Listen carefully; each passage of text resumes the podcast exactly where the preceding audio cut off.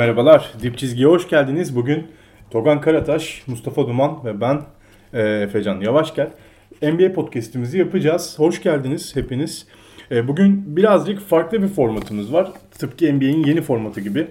Dip Çizgi'nin de formatı birazcık farklı çünkü bugün basketbola doğru e, yani basketbola varacağımız bir tartışmalar bütünü yaratacağız sonunda ama önce güncelden başlayacağız.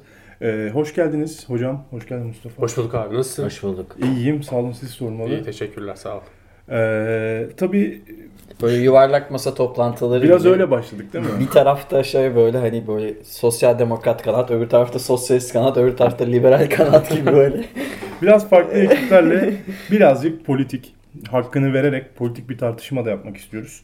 Ee, bunun vakti geldi çünkü özellikle Amerika'da e, işte George Floyd'un e, polis memuru tarafından boğularak, nefessiz kalarak öldürülmesi, katledilmesi sonucu e, Amerika'da ciddi bir e, karşı duruş e, hareketi başladı aslında. Özellikle e, bu ırkçılık mevzusuna karşı gelen e, ciddi bir toplumsal bir e, yanıt buldu bu. Karşılık buldu George Floyd'un öldürülmesi.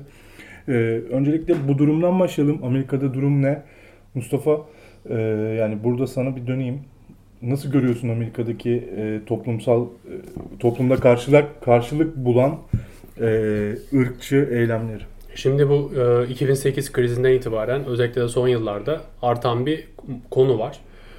Amerika e, sadece Amerika kapsamında değil dünyada sağın yükselişi, ırkçı söylemlerin yükselişi, Almanya'da işte AFD'nin yükselişi, e, Avrupa Parlamento seçimlerinde sağın aşırı yükselişi, işte bu son seçimlerde liberal kanat hatta çok fazla bir hani sandığa gidelim, e, tepkimizi gösterelim tarzında bir e, etkinlik yaptılar. Bu e, hareketi indirmek istediler. Bu George Floyd'un e, olayı da tamamen bununla alakalı bir durum. Evet Amerika e, Amerika'da da sağ yükselişte işte Trump iktidara geldi. E, George Floyd'le e, alakalı bir durum değil bu. Bundan önce de bu tarz durumlar oldu ama George Floyd bir parlama noktasıydı. Nasıl işte Arap Baharı'nda çocukları tutukladılar. Ondan sonra bir hareket çıktı. İşte Gezi Parkı'nda duran adam eylemi işte e, eylemlerin artmasını sağladı. George Floyd da bunun bir kıvılcımıydı. E, şunu gördük ki en azından e, dünyada sağa karşı yükselen e, faşizme ve ırkçılığa karşı bir tepki hala daha duruyor. E, işte birazdan da konuşacağız. Bu sonuçta bunun bir tarihsel boyutu var. 300-400 yıllık bir tarihsel boyutu var. Bu tarihsel boyuttaki işte ırkçılığa karşı yapılan karşı devrimlerin hala daha en azından bir kıvılcım olarak durduğunu e, görmekteyiz. E, benim burada sadece tek eleştirdiğim nokta şu. Özellikle Antifa'nın yaptığı eylemlerde e, yani bazı mağalar, bazıların talan edilmesi, Amerikan bayrağının yakılması bence protestoların e, şekillenmesi bakımından yanlış. Niye? Çünkü siz eğer böyle bu tarz eylemlere girerseniz e, özellikle günümüzde popülizmin artmasıyla birlikte bu konulara çok fazla eğilim olmadığından dolayı e, daha böyle açık mavi diyebileceğimiz yani ırkçı da değil ama ırkçılığa karşı herhangi bir kültürü de yok. Bu tarz insanları bu eylemlerle kaybedersiniz. Yani üst boyutuyla. Burada tabii hani Nike'ın e, ya da başka mağazaların talan edilmesindeki ahlaki boyutu tartışmıyorum ama bir protestonun, bir eylemin e, ana dina, dinamini kaybedersiniz. Her zaman, ya her zaman bunu söylüyorum. Bak George Floyd'un öldürülmesi belki de böyle hani bir savaş kadar bir etki yarattı. Küçük bir kıvılcım. O Yani- yüzden bu yağmacılık, Amerikan bayrağının yakılması bence tamamıyla olmaması gereken olaylardır diye düşünüyorum. Şuradan gidelim. Son 10 yıllık periyotta bir kere Amerikan polis polisinin ya bu arada e, zaten örneklendirdin. Dünya genelinde bu ırkçılığın e, ciddi şi- şiddetlendiği, faşiz, faşizan e, e, grupların e, ciddi bir yükselişte olduğu bir 10 seneden bahsediyoruz. Yani 2008 sonrasında vurdun. Ama bu var. Ya dünyada bir faşist e, bir güçlenme, bir o bunun var olduğunu bileceğimiz kadar fazlalaşmaya başladı. Ki Amerika'da bunun en büyük örneklerinden bir tanesi. Hem yönetimsel açıdan. Ama e, 13 13 bin insan öldüren bir polis gücünden bahsediyoruz Amerika'nın 10 yılda. Son 10 yılda neredeyse 13 bin civarı e, can almışlar.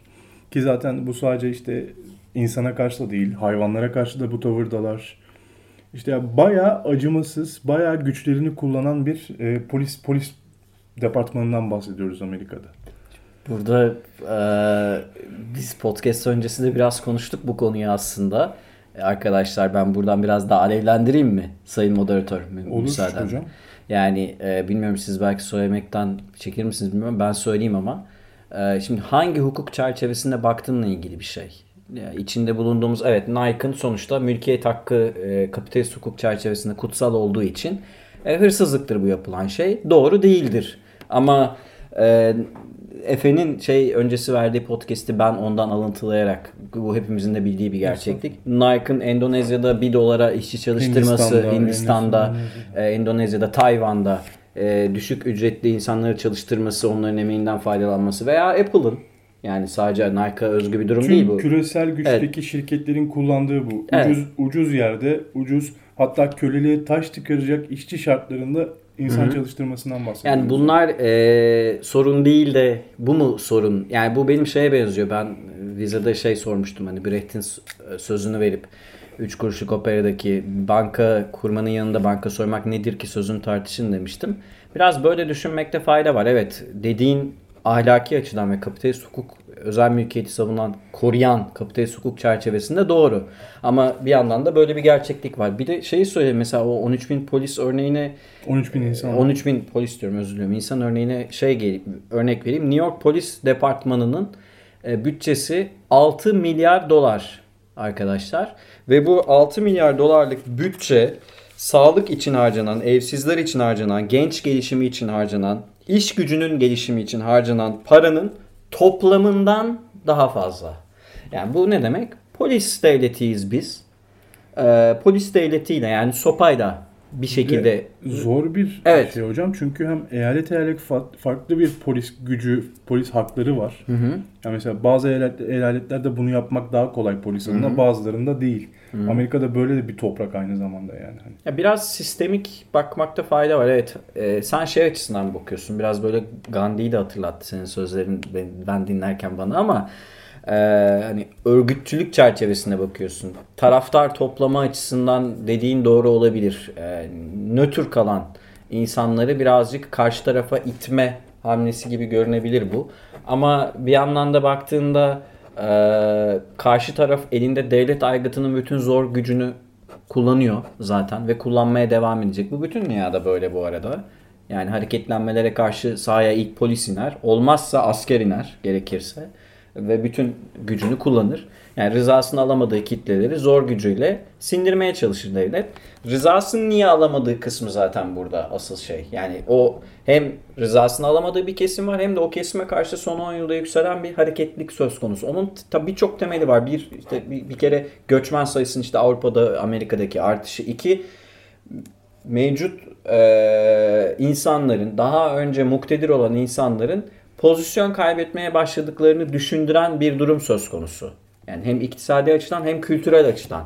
Eski egemenliklerini kaybetmek istemiyorlar. Bu e, Amerika'da siyahlara karşı olur. Almanya'da Polonyalı işçilere karşı olur. Fransa'da Cezayirlilere karşı olur. Yani hem bir ırk yani siyah beyaz ayrımı üzerinde de dönüyor bu. Ulus ayrımı anlamında da dönüyor. Farklı ülkenin işçileri daha ucuza çalıştığı için diğer ülke işçileri tarafından dışlanabiliyor. Bu Avrupa'da da böyle şeyler görüyoruz ki Avrupa'da da beyaz üstünlüğünü savunan bir Ya sürü burada da insan var. görüyoruz. Yani. Burada da görüyoruz. Evet, Türkiye'de de görüyoruz. Yani pek adı koyulmuyor ama işte yeni daha Suriyeli e, göçmenlerin vesaire Ya- hani böyle sorunlar yaşandığı Mesela, görüldü Türkiye'de de. e, Beşiktaş, Fenerbahçe, Galatasaray bir tane siyah topçu aldığında siyah topçu özür diliyorum aldığında çok sevilir hani başarılı. Türkiye'de ırkçılık yokmuş gibi konuşulur ama Türkiye'de de ırkçılık var. Yani bunun adını koyalım. Türkiye bütün e, yani kutuplaşmanın olmadığı, insanların birbiriyle barışık olduğu bir toplum mu? Böyle bir toplumdan bahsediyoruz. Hayır. Bir de tabii işin 400 yıllık temeli var zaten. Hani sistemik bir ırkçılıktan bahsediyoruz. Ben güncele ilişkin birkaç veri vereyim şimdi unutmadan yeri gelmişken bu sistemik ırkçılığa ilişkin. Yani polis devletinin e, yükselmesinin birkaç nedeni var. E, Mesela bir tanesini söyleyeyim. Ortalama hane halkı geliri e, Amerika'da 60 bin dolara yakın. Yıllık gelir. Siyahlarda 40 bin, beyazlarda 70 bin bu. Ee, siyah kadınlar beyaz kadınlardan %20 daha az kazanıyor. Tam zamanlı işçilerde beyazların geliri siyahların gelirinden %40 daha fazla. Siyahların koronavirüsten ölüm oranı e, bir buçuk kat daha fazla beyazlardan. iki buçuk katı yani. İşsizlik oranı siyahların veya Hispaniklerin hani sadece siyahlar üzerinde şey yapmayayım. Hispanikleri falan diğer grupları da ekleyeyim. Ee, iki katı beyazlara göre. Yani baktığınızda aslında bunlar hani ölçülebilen veriler. Bir de ölçülemeyen şeyler var. Çünkü orada e, özellikle muhafazakar yerlerde güney hattında özellikle Amerika'nın güney tarafında biliyorsunuz o köleliğin iç savaşında sen bahsedeceksin o köleliği savunan taraftı. Ee, bireysel silahlanma da olduğu için mahallelerde neler olduğunu, kasabalarda neler olduğunu tam olarak bilmiyoruz. Bunu ölçemiyoruz. Yani bu 400 yıllık sistemik e, kölelik belki çözüldü ama sistemik ırkçılık ve ayrımcılık, eşitsizlik devam ediyor ki e, Amerika'nın dünyaya sattığı en büyük organizasyonlardan biri olan NBA'in %90'ı belki e, siyah topçulardan oluşmasına rağmen veya NFL'in işte %70'i siyah topçulardan oluşmasına rağmen böyle bir gerçeklik söz konusu. İşte burada e, Amerika'nın yaptığı iyi şeylerden biri bunu bölmekti. Yani apolitik kalmasını sağlamaktı e, sporcularla diğer halkı arasını açmaktı. Bu kapitalistlerin işçi sınıfını bölme... Sınıfsal olarak da açtı. Ha, yani kapitalistlerin işçi sınıfını bölme stratejilerinden biridir bu. Milliyetçilik olur, din olur, işte ırk olur, bir sürü bir sürü kimlik olur, bir sürü faktörü var bunun. Bunu başardılar ama biz şunu görüyoruz ki işte Antetokounmpo, e, Lillard, e, dışarıdan Jordan'ın e, nakit yardımı olacağını gördük. İşte, Eylemlere katılan evet, Boston'lı Jalen evet. Brown, Marcus Smart, Marcus e, Curry, Curry. e, LeBron gibi birçok insanın buna katıldığını gördük. Özellikle Lillard'ı ben çok sevdim yeniden söyleyeyim. Vegan da aynı zamanda. yani benim çok sevdiğim bir insan. Ee, böyle bir hani hareketlenme söz konusu. Bu hareketlenme nereye dönüşür onu bilmiyorum ama bence şey olacak. Yani Trump yumuşatmayacak. Daha da sertleşecek. Ve bu muhtemelen e, seçim zaferi olarak geri dönecek Trump'a. Bunu da söyleyebiliriz. Hani ırkçılık bu bu anlamda politik anlamda e, istediği sonucu alacaktır ve e, tarihsel açıdan haklı bir pozisyonda olmamasına rağmen bunu yapacaktır. Trump benim gördüğüm işte bu çünkü. Benim de zaten vurgulamak istediğim mesele bu. Yani evet teoride siz haklısınız. Uzun dönemli düşünüyorsunuz. Tamam bunlarda herhangi bir itirazım yok. Ama şu an kısa dönemde e, konumuz Trump'ın gitmesi ya da gitmemesi. Yani Antifa gibi örgütlerin Amerikan bayrağını yakması, e, yağmalama yapması, ee, ki ben eminim bu yağmalama yapanların çoğunun George Floyd'le çok alakasının olduğunu da düşünmüyorum. Abi bu tarz çok, eylemler. Bence sığ bir bakış açısı ya, Mustafa ya. Bu tarz eylemler şu anda Trump'ın elini güçlendiriyor mu? Evet güçlendiriyor. Yani Hepimiz George diyoruz ki Trump kazanacak diyoruz George yani. Floyd'la işi bile olmaması, bağlantısı olmaması yani genel olarak bu ırkçılığın karşısında kurulmuş herhangi bir şeyin George Floyd Abi olayına derdimiz Nike'dan duyarsız kalabilmesi olabilir mi? Derdimiz Nike'dan ayakkabı çalmak. Tamam da şu an meselemiz bu değil. Meselemiz Trump'ı göndermek. Kapitalizmle ırkçılık ilişkisi konuşuyoruz burada yani. Ya, teoride siz haklısınız ama kısa dönemde şu an hedefimiz ne? Trump'ın gitmesi ya da gitmemesi. Bu eylemler Trump'ın elini güçlendiriyor mu? Güçlendiriyor. Abi ben Yani- pragmatik bakamıyorum. bu Pragmatik ben ama. de onu diyecektim. Mustafa pragmatik bakıyor Ama kısa biraz. dönemde bir şey yapmamız lazım. Trump'ın gitmesi lazım ve bu eylemlerin sonucunda Trump'ın güçleneceğini düşünüyoruz. Ya neofaşist ve neomerkantilist yani korumacı hani biraz iktisadi anlamda korumacı politikalar uyguluyor işte Çin'e karşı falan. Bu e, yükselme biraz işte sermaye birikiminin dinamikleriyle ilgili bir şey ama büyük ölçüde sağın yükselişinin zaten Amerika'da yani herkes bir iki tane parti var. Sol partide ne kadar o da sol sayılmaz ama işte adı sosyal demokrat olduğu Çok için güzel bir temas. biraz daha solda duruyor. Hani insanlar zaten iki partiye oy verebiliyor. Diğer adayların hiç şansı yok kazanmak gibi. Toplam oyları %2 falan oluyor zaten. Hani ya muhafazakar kanattasındır ya sosyal demokrat kanat. Muhafazakar kanadının da nerede olduğu belli zaten. Yani Trump bunu kazanacak mı? Evet biraz pragmatik bakıp şey istiyor. eee, yani anladın mı Mustafa? Yani Devlet- kitlesel bir başka bir şey Evet. istiyorsun. Başka bir çatı altında buluşturmak istiyorsun ama yani şimdi Trump'a karşı. Abi tam Trump'a karşı bir aşama var ama bu insanların asıl derdi bu ırkçı meseleyle ve bu ırkçı meseleyle olan insanların her farklı kesimden hem anarşisti var dediğin gibi hem liberali var içinde, burjuvası var, işçi sınıfı var. Ya o kadar homojen olmayan bir topluluktan bahsediyoruz ki Amerika sokaklarında şu an. Yani Amerikan bayrağı yakan da var, Amerikan bayrağı tişörtüyle çıkan da var şu an yani. Çok başka bir bir toplumsal kesimden bahsediyorsun. Bunlar evet çıkar ve eylemlere devam edebilirler. edem- beraber böyle tutunup hepsi aynı şekilde davran- davranıp aynı psikolojiyle, aynı kitlesellikle devam ederlerse Trump gidecek bakış açısı ya bu insanın inandıkları şeylere de yani bu ba- başlığı altında buluşturdukları o faşizan duruma karşı bir e, e, şey oluşturuyor. Bir duygu e, kesimi oluşturuyor bence. Bu Mesela- şekilde bakmak yani. Mesela şöyle bir soru sorayım. Nike'ın Mustafa sana sorayım. Nike'ın e, mağazasına ilişkin e, benzer bir soru olacak. Mesela e, Edward Colston'un heykeli indirildi Evet. İngiltere'de. E, Kral Leopold'un Brüksel'deki heykeline de e, liberal ağızda söyleyeyim. e, vandal saldırılar yapıldı diyeyim. Hani bence o bir haklı bir protestoydu. Böyle bakarsak bu da kaybettirir mi mesela? Ya işte hani çünkü biliyorsunuz heykellerin tarihini insanlar pek bilmez. Yani çok az kişi bilir. Bu kim filan derler. Hatta önünden hiç bakmadan 100 kere geçersiniz. Bakmazlar. Mesela Taksim Anıtı'nın ne olduğunu insanlar bilmez. İstanbul Üniversitesi Beyazıt Kampüsü'nün önündeki heykelin ne olduğunu insanlar bilmez. Sorsan 10 kişiden biri belki yanıtlar. Amerika'da da benzer durum var ama hani bilen biliyor. Buna nasıl bakıyorsun mesela? Bu heykelleri yıkıyorsak eğer, bu heykellere saldırıyorsak o zaman gideceğiz. Ee, bir Yunan medeniyetini tamamen silmemiz lazım. Aristo da köleciydi. Ha. O, o zaman gideceğiz George Washington'ı, Thomas Jefferson'ı silmemiz lazım. Çünkü bu adamların yüzlerce kölesi vardı. Şimdi bu bakış açısıyla ben bu arada karşı karşıyım. Kö- e, heykellere saldırıya karşıyım. Yani biraz şey gibi görüyorum. Ben savunuyorum demedim. Sordum Yok, sadece Ben de arada. savununu iddia etmedim ama şöyle söyleyeyim. Hani IŞİD'in e, Orta Doğu'da camilere saldırması ya da bir takım başka heykellere saldırmasıyla bir fark görmüyorum. Bence ikisi aynı. Eğer tamamen bu heykellere saldırıyorsak Yunan medeniyetini de sileceğiz. Hiç bunu konuşmayacağız. Herkes konuşacak. Platon'un devlet kitabını okursanız orada köleliğin nasıl öldüğünü görebilirsiniz.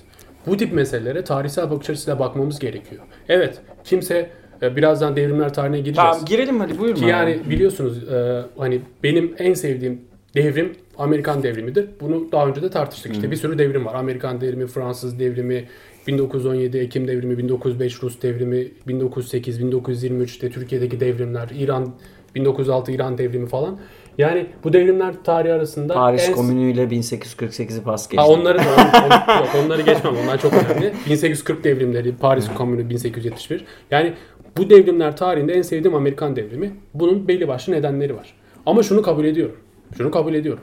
Thomas Jefferson'la George Washington yani Amerikan devrimi sonucunda böyle bir yanlış al- algı var. Herkes zannediyor ki Amerikan devrimiyle birlikte işte köleler İngiltere'ye e, isyan ettiler. Halbuki böyle bir kavga yoktu. Yani Amerikan devriminde kolonilerin İngiltere ile kavgasında tamamen e, şey vardı. E, hangimiz daha gerçekçi Anglo-Saksonuz?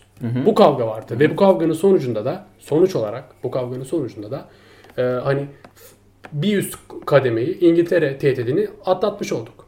Ve bir e, yurttaşlık bildirgesi yayınlandı. İşte bu yurttaşlık bildirgesine göre de Amerikan bağımsızlık bildirisinde Thomas insanlar- Jefferson'ın yazdığı. Aha, tüm insanlar eşit yaratılmışlardı ve aralarında yaşam, özgürlük ve mutluluğunu arama hakkı gibi Tanrı tarafından onlara verilmiş, onlardan ayrılamaz hakkı gibi tan- e, belirli haklara sahiptiler. Oraya bir şerh düşmek istiyorum. Oradaki biraz da halk egemenliğine vurgu var ya. Evet. Yani şeye karşı değil monarşiye veya işte İngiltere İmparatorluğu'na karşı. Oradaki e, halk beyaz halk bu arada. Kesinlikle katılıyorum. Yani Burada hani bunu yok. söyleyelim. Evet. O beyazdır. Ben de buraya geliyorum zaten. Yani Amerikan devrimi işte köleliği falan kaldırmadı. Burada eşitlik vurgusu var ama yani burada e, Amerika'daki siyahlar insan olarak bile sayılmıyorlar. Yani bunların o devrimde herhangi bir e, şeyleri yok, kazanımları yok. Devrimde rolleri var mı? Var. Ama kazanımları yok. Tıpkı 1800 e, şey 1789 Fransız devriminden sonra işçilerin ta 1840'lara kadar haklarını elde edememesi. En sonunda 1871'e kadar sürüyor Paris Komünü'nde ki siz bu olayı benden daha iyi biliyorsunuz. Hani Estağfurullah. Siyahlar bunu elde edemediler. Ama en azından bu bir geçiş dönemiydi. Yine burada pragmatik ve liberal bakıyorum. O yüzden bu geçiş dönemlerinin önemli olduğunu düşünüyorum. Şimdi Amerika'da e, bu Amerikan devriminin başlangıcı meşhur bir Boston Çay Partisi olayı var ya. Evet. Limanda şey İngilizlere Ya bu- karşı yapılan hamle. Amerika'nın özgürlük anlayışıyla önemli bir şey. Amerika'da özgürlük hep sadece sat siyasal boyutuyla algılandı. Önce işte Britanya İmparatorluğundan kopuş sonra o kuzeyin sanayi kapitalizmiyle güneyin köleciliğinin savaşma, savaşması ve kuzeyin galip gelmesi ki bu anlamda kuzeyin galip gelmesi tarihsel olarak baktığında ilericidir. Çünkü güneyin kölecilerini yenmiştir Kuzeyliler. Çok mu iyi insanlar? Hayır ama tarihsel anlamda ilericidir. Bu buna katılıyorum ben. Yani iç savaşı Güney kazansaydı kazanamazdı zaten de tarihsel anlamda. Daha kötü sonuçlar olacaktı Amerika Birleşik Devletleri sınırları içerisinde. Ama baktığında şöyle bir şey de var. Yani kolonilerin mesela federal anayasa var bu arada onu da söyleyeyim sana ek yapayım. 1800 1787 federal anayasa var. Ee, işte o da Fransız devrimiyle ciddi bir etkileşim halinde zaten Amerikan devrimi. Ama geldiğimizde işte Amerika, dünyanın egemenliğini İngilizlerden alan Amerikalıların 2020 yılına geldiğinde daha yeni konfederasyon bayrağının kullanımı yasaklandı. Daha yeni çıktı bu arada. Herhangi bir yerde yani Amerika'daki herhangi bir kurumda veya kişilerin konfederasyon bayrağını kullanması yeni yasaklandı. İşte mesela kültürümüzün bir parçası olarak görünüyordu onlar için. Kültürlerinin bir parçası olarak görünüyordu. Burada bakarken dikkat şeye bakmak lazım. Yani ad hominem yapmadan e, kişileri salt kişi olduğu için değil fikirleri ayrıştırarak yargılamakta veya analiz etmekte sanki fayda var gibi geliyor bana Efe. Bilmiyorum sen ne diyorsun? Ya, bununla ilgili bir şey söylemeyeceğim. Yani başka bir Mustafa'ya başka bir şey söyle. Tamam ben. Yani hani bir sınıfın daha iyi koşullarda yaşamasını sağlayacak bir sisteme ikna olduğunun göstergesi bu sadece. Ya bu sonuç sonuçta kapitalizmin devamında daha iyi koşulları olan bir sisteme bir liberal olarak ikna olmayı gösteriyor bana. Başka bir şey göstermiyor. Yani o, belli koşullarda kısa dönemli daha iyi yaşam standartını yükseltmek gibi geliyor bana. Ya bu aslında biraz şöyle. Daha özgür yaşayalım. Daha işte tamam içinde a faşistlik de yapmasınlar. A daha az sömürsünler. Ya abi burada bu mesele başka bir şey. Başka grupların sen sınıfsal çatışmasında yağmayı falan aa yağma yapıyorlar diye eve gidersen zaten baştan bir sınıf çatışması senle kurar bu insan yani. Tamam da ben biraz... Tamam, bu aynı yerden bakmıyoruz diyorum. Yani. Evet aynı yerden bakmıyoruz. Ben bir sınıf sınıf çatışmasından bahsediyorum. Bu ırkçılık mevzusunun arkasında yatan durumda ya. Şöyle şimdi aynı yerden bakmıyoruz. Bunda herhangi bir sorun yok. Ama şu var. Ee, nasıl anlatsam ki? Yani ya bir şey açıklamak zorunda buna biraz, ben anladım. Buna biraz ben, buna ben biraz tarihsel süreç olarak bakıyorum. Yani, yani Amerikan devriminin ya Amerikan devriminin Fransız devrimine yaptığı etki bile Amerikan devriminin ne kadar büyük bir devrim olduğunu gösterir. Amerikan devrimi olmasaydı yani e, Fransa... Amerikan devrim dönemi için çok ilerici bu arada. Evet. Bir şey demiyorum ben buna. Ben bir şey ha, tarihsel dönemi... süreç açısından gidiyorum. Ya, yani. demokrasi... Yok hayır ben güncelden bahsediyorum. Ha şöyle. Ha güncelden bahsediyorsun. Tabii. Tamam ya ben şöyle. Ben güncel konusunda ya, bilmiyorum. Güncel derken ama... bence Amerikan devrimi olurken de onun günceli oydu ve yine böyle düşünenler vardı yani. Evet. Bu da doğru yalnız. Yani kendi güncelin... Bu biraz şeyle ilgili ya. Hani e, İrlanda'nın e, Britanya'dan kopuş hikayesi gibi yani yeterli görmek mücadeleyi bir yerde ha işte tamam yani veya e, Türk bu kadarını aldık tamam veya Türk Kurtuluş Savaşı'na bakarsanız e, işte şu kadarını aldık tamam deyip duralım diyenler vardı ama hani Mustafa Kemal hayır böyle bir şey yapmayacağız. Sonuna kadar tam bağımsızlık hedefiyle gideceğiz. Biraz böyle bakar hani hedefi sona koymazsan bu tabi Mustafa Kemal örneğiyle e, sosyalist mücadele aynı şey, aynı şey değil. Onu söylemiyorum ben ama devrim tarihi açısından söylüyorum. Ee, zaten devrimler tarihi konuşuyoruz. Hedefi, hedefi yani. nihai yere koymazsan zaten biraz yenilgi ideolojisi gibi geliyor. Sen anladığım kadarıyla Efecan için. Biraz böyle yani bu bu zaten Yok, baştan buna, yenilgi ideolojisi. Buna ikna olmuş bir sınıfın zaten kazanan tarafta olduğunu düşünüyorum. Buna ikna olmuş bir ha. Güzel bir düşünce. Kesinlikle kabul ediyorum. Yani, yani bu, zaten bu... buna iknaysan hani şimdiki şey gibi düşün. Ben sosyalistim, sen değilsin, liberalsin. E, kapitalist sistem devam ettikçe sen kazanacaksın zaten yani. Hmm. Ne diyorsun? Yani bu güncel konuda ben fikirlerimi söyledim. Ben yanlış olduğunu düşünüyorum. Çünkü kısa dönemde tekrardan Trump kazanacak. E, totaliter rejime, e, totaliter rejimlerin gücü daha da artacak. Hem Türkiye'de hem de Amerika'da. E bunun e, şu an pragmatik olarak düşündüğüm zaman evet bir dahaki seçimde Trump'a karşı kim çıkarsa onu destekleyeceğim. Ve Türkiye'de, dünyadaki hatta Amerika'daki bütün sosyalistler de bence Seçimde oy kullanacak gibi. Kayıplarını, kayıplarını Amerika vatandaşı. Sosyalistler ve... Valla Corbyn ve Sanders'ın aldığı ağır mağlubiyetler sonrası e, o kadar da çok umudum yok onu söyleyeyim. Bu anlamda umudum yok. Yani yani Sanders zaten daha yola çıkamadı. Sen sözünü bitirdin. Onu söylemeye çalışıyorum. Yani dediğim gibi e, bence Amerika'daki sosyalistler, yağma yapanlar, Yağma, ya bu, yağma yapmayı yağma bıraksınlar. sosyalisttir diye de bir Hayır şey öyle demiyorum yani. Hiçbir şey düşünmüyordur. Açtır. sosyalistler artı diyorum. Aç, aç, aç olan ayakkabı çalmaz. Ben yani Abi satıyor belki. ayakkabı çalıyorsun. Alıyor satıyor belki. Ya şimdi şöyle bir olay var. Bizim şu anki sorunumuz Trump'ın gitmesi ya da gitmemesi. Aynı şey Türkiye'de de var. Neyse bu konu çok fazla uzar ve çok farklı yerlere Eylem kırıcı dedi ya insanlar. Ba- benim e, He. bunu söylüyorsan yaratı, bunu konuşuruz. E, tamam. Trump'ın etkisi Çünkü şu an... böyle düşünmeyen, yağmayı böyle bakan herkes eve girecek. Ama Trump güçlendi şu an. Ya işte tamam Trump bu açıdan incelersen evet ama... Trump'ın güçlendiği konusuna katılıyorum. Trump güçlendi şu an. Ve Trump ne açıklama yapacak bu arada. Ya bu şey bu benim bildiğim bir şey değil. Ben daha önce hiçbir şekilde böyle yağma olan bir ortamda da bulunmadım. Gezi dahil. Mesela yani bak şeyi söyleyeyim. E, Popovich sürekli çıkıp açıklama yapıyor ya. Popovich işte ben hep şey söylüyorum. E, Amerikan başkanı olsun diye. Trump'a geri zekalısın falan diyor. Popovich'e büyük saygım var da o geri zekalılıktan değil. Bilinçli olarak söylenen sözler. E, birleştirici açıklama yapmayacak Trump. Toplumu birleştirici, yatıştırıcı. Ya evet bakın hani gelin konuşalım. Yok görüyorsunuz ki bak bunlar ne istiyor diyecek yani. Böyle bir şey olmayacak. Bilakis daha da sertleşecek. Üstüne gidecek. Kendi kitlesini çünkü oradaki sistem biraz farklı. Trump en çok oy alan başkan adayı olarak seçilmedi. Senato şeyleri biraz farklı oradaki hı. senatörlerin seçimi falan. O o daha da sertleştirerek, konsolide etmeye çalışarak gelecek. Yani 1980 sonrası neoliberalizmin günümüzde yaşayan hali işte neoliberal popülizmde o şimdi daha totaliter bir devlet haline dönüşmeye başladı. Dünyanın merkezinde de çevresindeki ülkelerde de. Zaten sosyal demokrasinin önünü tıkayan şey de bu. Totaliter devlet anlayışı ve ona ciddi anlamda destek veren muhafazakar kitleler, ahalinin çoğunluğu demokratik anlamda sosyalistlerin mesela işte İngiltere'de olduğu gibi veya sosyal demokratların ciddi anlamda güç kaybetmesine neden oluyor. Yani Amerika Avrupa'da mesela Syriza bu anlamda işte kimileri için revizyonist falan gelebilir ama güç kaybetmiştir. Almanya'da sen örneğini verdin. Sosyal demokratlar istenen seviyede değil. Corbyn'in aldığı yenilgiyi gördük. Yani beklentilerin çok üstünde bir fark çıktı. E Sanders gelemiyor mesela. Sanders aday olamayacak. Biden aday olacak şeyde. Büyük ihtimal onu görüyoruz. E, o zaman şu şey var. Evet sokak şimdi sokak mücadelesi sokaktaki 1 milyon insan çok önemli bir sayıdır. Çok önemli. bir. Çok önemli sayıdır ama Amerika'nın nüfusuna baz aldığında sandıkta çok da önemli değildir. Sokaktaki 1 milyon insan devrim gerçekleştirebilir mi? Evet. Devlet aygıtını ele geçirip, ele geçirip o aygıtı dönüştürebilir mi? Evet. Yani Lenin'in aldığı oy oranı devrim öncesi Bolşeviklerin oy oranı %23'tür.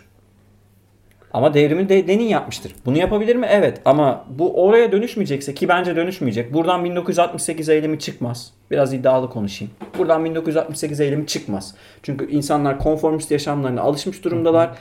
Ee, mesela yağma yapanlar var ama şey de gördüm geçen gün işte. Sırf fotoğraf çektirmek için oraya giden bin, bin- binlerce insan var. Tabii işte. Eminim. O yüzden buradan bir şey çıkmaz. Devrimci bir hareket Ya biz bunu burada da 1968 gördük çıkmaz. yani. Tam işte bu konuda bir şey söylemek istiyorum. Yani perception, algı dediğimiz meseleyi kim elinde tutarsa bence o kazanacak bu e, George Floyd olayının sonucunda. Hani toplumsal sınıf olarak bakarsak o gücü elde edecek. Yani kastettiğim mesele şu. Şimdi Amerika'daki eylemciler, Amerika'da eylemciler, NBA oyuncuları da yaptı bunu, Nowitzki falan da destek verdi. Çevre düzenlemesiyle, yere atılan çöplerle gündeme gelsinler. Nike yağmalayarak değil. Ancak bu şekilde kazanırsın. Yani bakın bu algı öyle bir Twitter'da Ama yayıldı ki. perception management dediğimiz şey burada da işe. Şimdi oraya geleceğiz. Ha çok güzel bir konuya değinen. Per- Perception Management'a. Trump ne yaptı mesela? Beyaz Saray'ın yanındaki kilisenin yandığı haberi çıktı ortaya. Bizim de orada Bahçeşehir Üniversitemiz varmış bu arada. Yeni öğrendim. Bahçeşehir Üniversitesi'nin rektörü, e, unuttum hanımefendinin ismini. Gitti orayı çekti. Hayır dedi. Kilise yanmamış. Yan tarafta böyle uzakta bir bina yanmış sadece. Ama bunu medya ki Trump'ın medya gücünü biliyoruz zaten. Medya bunu böyle yayınladı. Sen Reichstag yangını gibi bir şey mi? Böyle bir e, faşizmi yükseltecek e, bir eylem gibi mi görüyorsun mesela? Eline silah vermek gibi mi görüyorsun? Yok o- ona gelmeyeceğim. Yani kastettiğim mesele şu. Trump bunu kullandı. Gitti eline bir tane İncil aldı. Bunu kullandı. Kiliseyi ziyaret etti ve bir algı yönetimine girişti. Ben diyorum ki bu algı yönetiminde Trump'a niye biz silah veriyoruz? Biz çevre düzenlemesi yapalım. Yere atılan çöpleri toplayalım. Yağma sonra halledilir. Ama ilk başta ya pragmatik olarak Peki bu bu halledelim. olurken bunu bu kadar bu, ben benim biraz algı yönetimi dediğim şeyde bu da geçerli yani. Bir e, algı yönetimine düşmek de oluyor bu aynı zamanda. Yani bu insanlarla ters düşmeye ne gerek var? Aynı şey için savaşmaya devam. Sen bunu o gözden çıkar yani. Yağma yapıyorlar. Tamam. Senin konun başka yani. Abi tamam da eylemciler 8'e kadar, akşam 8'e kadar eylem yapıyorlar. 8'den sonra sokağa çıkan antifa. Ya arkadaşım, eylemciler eve çıkmışlar, yarın devam edecekler buna. Sen 8'den sonra niye çıkıyorsun? Niye çıkıyorsun yani? Devlet kon, MIT kontrol, devlet kontrolüne mi diyorsun yani? Hayır, CIA an- kontrolü. Ya Antifa'nın Türkiye'de nasıl yetiştirildiğini biliyorum. Belli başlı kamplarda da yetiştirildi. Trump ilk başta bunlara karşıydı ama şey e, Trump bunları destekliyordu ama şimdi karşımış gibi görünüyor. Benim kastettiğim Antifa denen örgüt yani aşırı derecede uç bakan ve yağmacılığı e, tamamen etik gören bu grup bu eylemlere zarar veriyor. Yani yüzde bir için Ya ben niye şey yüzde demiyorum. 85 ya da yüzde 90'ı yakalım yani? Yüzde Ben ya eylem kırıcı olduğu noktasında zaten bazı sorunlar olduğunu söylüyorum bu durumla ilgili ama. Abi benim kastettiğim Ya bu bunu yani. komple güncel. bunlar böyle yapmasın, bunlar ahlaksız. Ahlak kavramı altında bunu tartışınca benim canım sıkılıyor yani. O konu o konu biraz uzar gider. Neyse hocam başka şeylere Kimin ahlakı yani? Ya şey şeyin altını çizmekte fayda var hani. Ee, Evet, ırkçılık kapitalizme iç, içkindir ve günümüzde ırkçılığı veya faşizmi kapitalizm eleştirisinden bağımsız bir şekilde kullanan insanların analizinde kadık kaldığını düşünüyorum ben. Yani sadece ırkçılığı, hayır. Kapitalizmden bağımsız bir ırkçılık eleştirisi eksiktir. Ee, şunu söyleyelim. Ee, evet günümüzde böyle bir ilişki var ama bir yandan da yani aristokrasiyi yenen sınıf olarak Burjuva tarihin en büyük devrimci sınıfı. Değil mi? Bunda anlaşırız. Tarihin en büyük devrimci sınıfı. Aristokrasiyi tahtından eden sınıf olarak Burjuva'nın yaptığı şey köleliğin kaldırılması. Çünkü ücretli emeğin ortaya çıkması gerekiyor. Özgür emeğin ortaya çıkması gerekiyor. Dönemi için ilericidir. Bunu söyleyeyim. Buradan bir sürü insan bana kızabilir. Dönemi için söylüyorum. İlericidir. Sonuçta hem serfliği yıkmıştır hem bildiğimiz geleneksel anlamdaki köleliği yıkmıştır. Bu Amerika'da da böyle, Avrupa'da da böyle, İngiltere'de de böyle işte yani adada da böyle. Ama günümüze geldiğimizde bu başka formlarda yaşanıyor. Yani e, bu, ya şeyin adını koyalım. Türkiye'de bir Kürt işçiyle bir Türk işçi aynı maaşı mı alıyor aynı işi yaparken? Bu biraz önce verdiğim e, siyah ve beyazlar arasındaki ücret farkı. Türkiye'de yok mu? Fransa'da yok mu? Ne bileyim İngiltere'de olmuyor mu? Bir tek şey mi yani böyle bölgesel bir süreçten sorundan bahsetmiyoruz. Sistemik bir sorundan bahsediyoruz. Evet, Sistemin yarattığı bir sorundan bahsediyoruz. Sonuçta sömürü hem sınıflar arası hem işte uluslararası yani emperyalist ayağı var hem de ırklar arası bir bakıma baktığında da ve bu ve sınıf mücadelesini de bayağı bozan bir şeydir bu. Şu açıdan söyleyelim. Bir ücretli çalışan Amerikalı beyaz ve siyah aslında tarihsel açıdan aynı konumdadırlar. Ücretli çalışırlar işte özel mülk üretim aracı yok vesaire. Ama biri siyah biri beyaz olduğu için bölünmüş durumdadırlar ve bu kimin işine gelir? Ben söyleyeyim bu burjuvazinin işine gelir yani. En büyük burjuva kimse işte oradaki. Onların işine gelir. Elon Musk'ın işine gelir. Ne bileyim yani işte o büyük firmaların yöneticilerinin işine gelir. Hem ucuz emek gücü açısından da evet. bir sürü avantaj sağlar. Ya şöyle bir şey var. Bu, bu işte bu yüzden sosyal demokrasinin yükselmesi çok kolay bir şey değil. 1960'lardaki sosyal demokratik hareketlerin yükselmesini ben buradan beklemiyorum. Ben buradan çıkacak şeyi biraz polis devleti olarak görüyorum. Şimdi eğer buraya geldi polis devleti olarak düşünüyorsanız hı hı. o zaman tamamen pragmatik düşünmemiz lazım. Yoksa canımıza okuyabilirler. Ben öyle düşündüğüm için pragmatik bir tutum ya. sergiliyorum. Ya. ya şimdi ben biraz bu olaya şöyle bahsedeyim biraz da konuyu değiştirelim. Hı hı. Bu oraya biraz devrim karşı devrim örtüsünden bakıyorum yani. Kazanımlar ve kazanımların kaybedilmesi. İşte az önce bahsettik. Amerikan devriminde herhangi bir e, işte siyahların ön plana çıktığı bir gündem olmadı. Bunu az önce bahsettik. Daha sonradan Kuzey-Güney muhabbetine de değindik. İşte bir iç savaş çıktı 1860'larda Amerika'da. Ve işte Abraham Lincoln öncülüğündeki yine söylüyorum Abraham Lincoln böyle aşırı derecede işte Abraham Lincoln'la ilgili çok fazla e, e, komplo teorisi var. Hani Abraham Lincoln böyle aşırı derecede siyahları savunan e, aktivist bir adam değildi. Ama sonuçta 1865 yılında kölelik kaldırıldı. Sonradan e, bunun akabinde bir karşı devrim olarak işte Jim Crow yasaları ki bu ünlüdür. Jim Crow hani böyle bir kişi gibi düşünülür ama aslında Jim Crow bir tiyatro karakteridir. Crow da karga demek. Amerika'da e, beyazların siyahları küçümsemesi için kullandığı bir terim. İşte bu yasalarla birlikte 1960'lara ee, kadar süren bir konu var. Biraz buralara girip konuyu değiştirmek istiyorum. Ne bu? Ee, otobüslere siyahların binememesi, restoranlara siyahların girememesi, siyahlara özel tuvaletler, siyahlara özel e, alanlar gibi meselelerle karşılaştı Amerika ve 1960'larda e, işte Rosa Parks e, ünlüdür. Ha, onu ben de diyecektim. Aynen. İyi yaptın. İşte Rosa Parks bir otobüse biniyor. Beyaza bir beyaza yer vermiyor. Bu beyaza yer vermediğinden dolayı arkadaşlar 1960'lardan bahsediyoruz. İnanılmaz bir olay. Yer vermediğinden dolayı Rosa Parks tutuklanıyor. Ve bu tutuklanmadan sonra işte Martin Luther King öncülüğünde bir hareket başlıyor. Ve bu eylemin sonucunda tekrardan kazanımla birlikte ne oluyor? Sivil Haklar Yasası 1964 ve 1965'te oy verme hakkı yasası kazanıyoruz. O gün bugündür. Belli başlı olaylar var mı? Var. Kimse bunu itiraz etmiyor.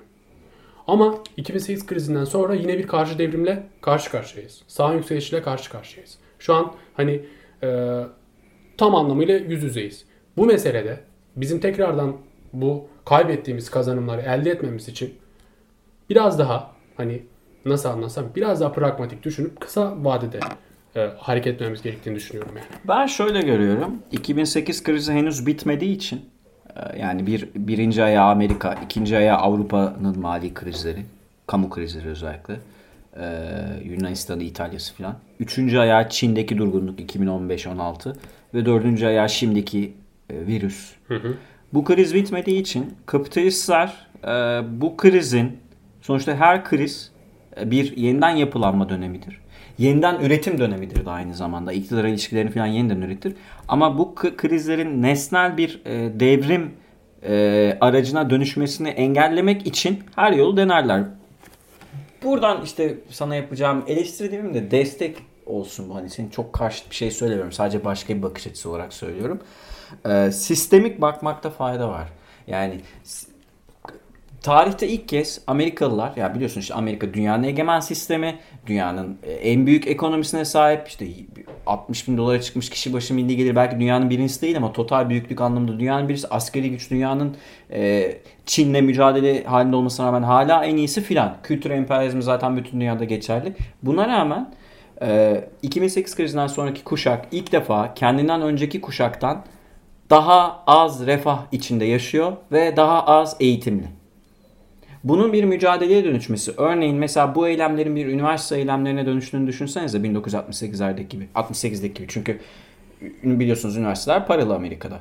Ve ve Türkiye'dekinden Tam da yeri değil mi? Ha, Türkiye'dekinden çok daha fazla bir e, üniversite kredi borcu sorunu var bu arada Amerikalıların söyleyeyim. Ve bu bütün beyaz öğrencilerin de sorunu, siyah öğrencilerin de, Hispaniklerin hepsinin sorunu.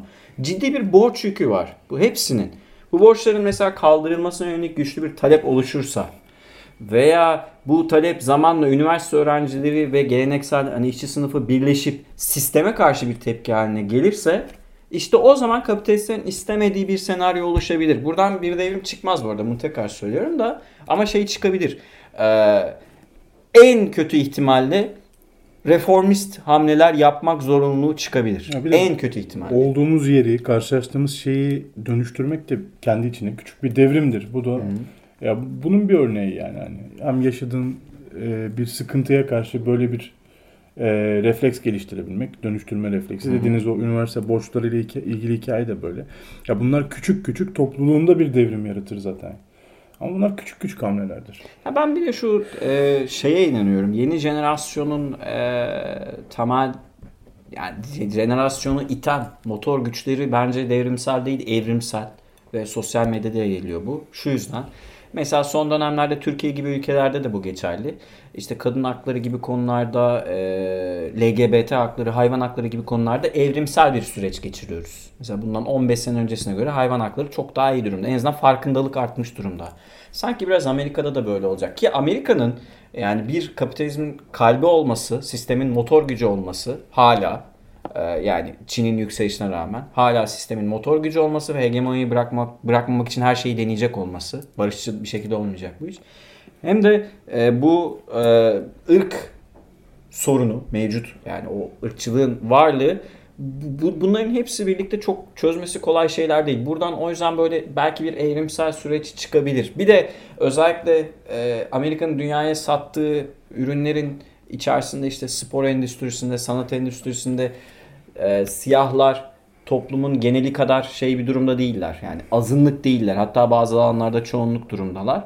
Bunlar da mesela toplumu bir anlamda olumlu yöne doğru itebilir. Hani halk hakların tanınması, işte eşitlik ilkesi. e, ama son şunu söyleyeyim ben. Mesela böyle soyut bir insan hakları kavramı ne olduğu belli olmayan hani soyut.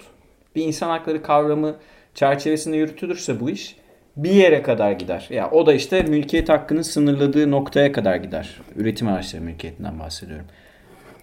Bu bunu söylemeye çalışıyorum. Yani bu sınıf mücadelesi olmak zorunda. Gerçekten bir kazanım sağlamak istiyorsa. Evet. Mikro mücadelelere katılıyorum bu arada senin dediğin. Yani ona hiçbir lafım yok. Mikro anlamdaki şeylere katılıyorum ben. Çok güzel toparladınız hocam. Estağfurullah. Şey Zaten hocam. yani Amerika'nın şeyini çok iyi anlattınız hani e, ne kadar aslında e, toplum olarak belli aşamalarda gerici olduğunu bizi çok iyi anlattınız ki bir örnek verirsek evrim teorisini en çok itiraz ne hangi ülkede? Amerika'da. Amerika ve Türkiye başı çekiyor yani. Evrim teorisine hani bu kadar hani e, artık tartışılmaması gereken bir konu üzerinde en büyük tepki Amerika'dan geliyor. Bu kadar iyi üniversitelerin olmasına rağmen. Amerikalılar da çok televizyon izliyor çünkü. Evet. Amerika'da insanların %4'ü çamaşır suyu içmiş lan koronavirüse karşı. İçer. Şaşırma. Yani bunu biz Türkiye'den alıştığımız büyük, zaman. büyük Türkiye gerçekten. Bu ya söylem evet, doğru. Bu anlamda doğru. şey yani insan şeyine baktığımızda e, bayağı hareket biçimleri, davranış biçimleri çok benzer. Düşünce biçimleri benzer insanlar var. İşte bu, bu yüzden zaten teorik olarak kesinlikle size katılıyorum. Sizin dediğiniz gibi olmalı. Ama bu kadar gerici bir toplumda sizin dediğiniz çıkmaz. Daha pragmatik bakmalıyız. Ama bir, bir mesela Kaepernick, Koper, Ko- Kopernik değil, Kaepernick, Kopernik. e, şu NFL oyuncusu. O eylem yaptığında e, pek ses getirmedi. Şimdi getirdi. Sanki e, yeni nesil gençlerin karşılaştığı mesela yoğun bir işsizlik sorunu. Çünkü mesela Trump işsizlik sorunu büyük ölçüde çözmüştü ama virüsle birlikte ciddi yükseldi. Bir de borçluluk falan çok yüksek. Türkiye'de de, de yüksek, İngiltere'de de yüksek. Yani hani hakları borçlu bütün dünyada. Borçlu insanlar ve işsizler. Bu şeyi tetikleyecektir. Mücadeleyi tetikleyecektir. Ya- Yani hani gece aç yatıp sabah kılıcına kalk başvuracaktır insanlar. Ama şeyi söyleyeyim. e, bu mesela daha az okuyan, daha az kültürlü e, nesillerin doğrudan süreçte işsizlik, gelir bö- bölüşümü eşitsizliği gibi konularda doğrudan burun buruna kalmaları sayesinde biraz daha politik olmalarını sağlayabilir. Belki teorik anlamda bir yeterlikleri olmayacak. Gidip Marx'ın artı değer teorilerini falan okumayacaklar. Ama politik anlamda çok daha mesela örgütçü, pragmatik davranabilirler. İşte tam bahsetmek e, istediğim konu bu. Ya bu popülizmin etkisiyle gençlerin hani ya kitap okumuyor hocam gençler. Bugün Türkiye'de de Evet. tüm dünyada da durum bu. Sizin e, bahsettiğiniz konular hani e, arkasında büyük okumalar yapılmış meseleler. Ama şu anki gençlikte herhangi böyle bir akım yok. O yüzden algı yönetimi, perception management bence çok önemli ve kısa vadeli e, müdahaleler çok önemli. Ben bu yüzden bu düşüncedeyim. O zaman gençlerin konfor alanlarına yönelik e, söylemlerde bulunmak gerekiyor diyorsun. Yani hocam geçen işte LGBT ile ilgili erkek dediğin etiketi 3 gün boyunca yayıldı Twitter'da. LGBT. Ve LGBT'ye be- bence böyle çok fazla e, hani sert bakan, daha gerici bakan insanların hoşuna gitti bu eylem sonuç olarak. Yani benim kastettiğim mesele bu. bu Kadın kadar- kadın hareketi LGBT ile Hayır şöyle yani anlattığım şu mesela yani kadın hareketi üzerinden kadınlara karşı bir gerici e, düşünceler besleyen insanların bile bu eylem hoşuna gitti ve yayıldı. Bir mücadele alanı yar- yarattık. Yani kastettiğim mesele artık e, böyle kısa dönemli, pragmatik, etkileşimli, perception management'lı müdahaleler, politikalar daha etkin oluyor. Ha, cephe savaşındansa e, minik e, şeyler, küçük kazanımlar Ben böyle yol alınabilir. Bu bir yöntem tabii. Bu politik bir yöntemdir. Buna bir ya ben o konuda şey değilim. Yani bilmiyorum. Ona net bir yanıt veremeyeceğim açıkçası. Öyle. Küçük şehir savaşlarıyla kazanılabilir mi? Kazanılabilir. Buna bir yorumum yok. Ya şeyi bu arada e, hep şey aklıma gelir. Amerikan rüyasına ilişkin meşhur bir fotoğraf var ya bir aile araba içinde e, seyahat ediyorlar sarışın. E, önde de siyah insanlar şey bir şey kuyruğundaydı. Ne kuyruğunda olduğunu unuttum. Amerikan rüyası tam olarak böyle bir şey aslında. Yani zenginin çok zengin, yoksulun çok yoksul olduğu. E, ama bir yandan da e, küresel emperyalizmin getirdiği kat örneğin herkese bir alışkanlık da Ha, mesela çok ucuza yani. birçok şeyi alabiliyor insanlar. Yani 1 dolara hamburger yiyebiliyor gibi mesela düşün. Veya 1 dolara üst baş alabiliyor gibi. Bunların da getirdiği bir konfor alanından da bahsetmekte fayda var. Çünkü ne istiyor mesela gençler? Ne yani yeni nesil. Ha, PlayStation oynamıştı Amerikalı çocuklar işte. NBA 2K'da Antetokounmpo'yu seçip oyun oynamak istiyor. Veya benim adını bilmediğim oyunlar ne, ne bileyim işte. bir sürü ya. Bir sürü oyun var. League of Legends falan mesela. Bunları oynamak istiyor. Bununla geçiyor hayatı. Yoksa şeyde değil. Ama bu e, bunu alamayacak parası olduğunda veya e, buna ulaşmasında sorun olduğunda veya iş güvencesi problemi ortaya çıktığında, ailesinin tasarrufunu tüketemez hale geldiğinde ya da ailesinin tasarrufu bittiğinde o zaman belki hani sahada başka sonuçlar görebiliriz. Ama ben şey açısından umutluyum. Daha önce başka bir arkadaşa da dedim. Farkındalığın artması e, 21. yüzyılda kazanımdır. Yani sıfırdan büyüktür. Sonuçta kadın hakları konusunda, e, ırkçılık konusunda ins- bayağı ciddi anlamda farkındalığın arttığını düşünüyorum ben. 100 sene öncesine göre e, yani nüfusu oranla ırkçı sayısının bayağı düştüğünü düşünüyorum ben. Ha, politik anlamda daha güçlü olabilirler. Evet. Çünkü eski sağın, merkez sağın oyunu artık faşist sağ alıyor. Buna bir yorum yok da karşı cephenin de yavaş yavaş güçlendiğini düşünüyorum ama bu şey değiştirmeyecek. Yani yine e, muhafazakar kanat sosyal demokrasi çıkma olasılığı var da ben pek ihtimal vermiyorum buna. Sosyal demokrasi çıkması için öncü teorinin filan yani öncü teori üstünde pratik filan yani bunların böyle aşamalı olması gerekiyor. Kontrol edilmesi gerekiyor. Öyle bir kontrolsüz bir hareket var şu an benim gördüğüm Amerika'da. İşte hedefimiz de zaten muhafazakar kanadın çocukları olmalı. Yani eğlenmek isteyen, oyun oynamak isteyen, daha böyle ya şimdi kadın hareketiyle ilgili, kadın hareketiyle ilgili bilgi edinmek istesek eskiden tamam 30-40 yıl öncesinden bahsediyorum. Daha böyle e, matbaa kültürünün yaygın olduğu dönemlerde açarız Lenin'in Kadınların Kurtuluşu kitabını okuruz. Kadın hareketiyle ilgili bilinçleniriz. Ama bugün bu gençler bunu yapmayacaklar. Ya bu gençleri elde edebilmemiz için mecburen işte sosyal medyadaki böyle bu tarz algı yönetimiyle yani daha avantajlı çıkmamızla örneğin bir kadının dayak yemesi ve bunun videosunun ortaya çıkması e, bu gençleri kazan, kazanmamıza Ha. bir etki yaratıyor. Bu Ya güzel bir fış- şey. Fıskiyeyi kırmışlar videosu çıkmasın diyor. Yani evet ba- baktığın zaman sağ tarafta bunu kullanıyor. Kullanıyor. Her zaman kullandılar. İşte Taksim'de içki içildi. Amerika'da kilise yakıldı. Bu tarz sürekli bunlar kullanıldı. Ha bunları sol yaptığından dol- dolayı demiyorum. Yapmadı. Zaten yapmadıklarını biliyoruz. Bunlarda herhangi bir sorun yok. Ama algı yönetiminin ne kadar güçlü olduğunu bahsetmek için bu spesifik örnekleri veriyorum. Ve eylemciler de bunun farkına varmalı. Algı yönetimi gerçekten bugün her şey. Ya bir ara cidden bir ara devrimler tarihi Mustafa ben işte iktisat kapitalizm tarihi falan böyle bir konuşsak güzel olur. Ben e, müsaadenizle bir iki tane şey önermek istiyorum. E, bir hani meraklısı için belki okuyan olur. Howard Zinn'in Amerika Birleşik Devletleri Halkları Tarihi kitabını şiddetle öneriyorum. Sadece siyahlara yönelik değil. E, hani Türkçesi böyle olduğu için kullanmak zorunda. Kızılderililere yönelik nasıl bir e, O konuyu hani- hiç konuşmadık Be- mesela. mesela bu pek konuşulmaz. Kızılderililere yönelik ciddi bir hani soykırım yapılmıştır. Ee, bundan ciddi anlamda bahs ta- kendi tarihiyle yüzleşen bir e, kitaptır. Ee, şu an Mubi'de olan bir kitap şey film var. Ben senin zencin değilim de I am not your negro diye. Ee, güzel bir belgeseldir. Yine işte e, Invaders, Loving Story, Freedom Raiders gibi çok güzel belgeseller, mücadele ele alan belgeseller var. Bunlar Mubi'de mi bilmiyorum. Ben kendim seçtim bunları. Bir de işte yine çok beğendiğim bir film var. NASA'nın e, Ay'a insan göndermesiyle ilgili Hidden Figures diye.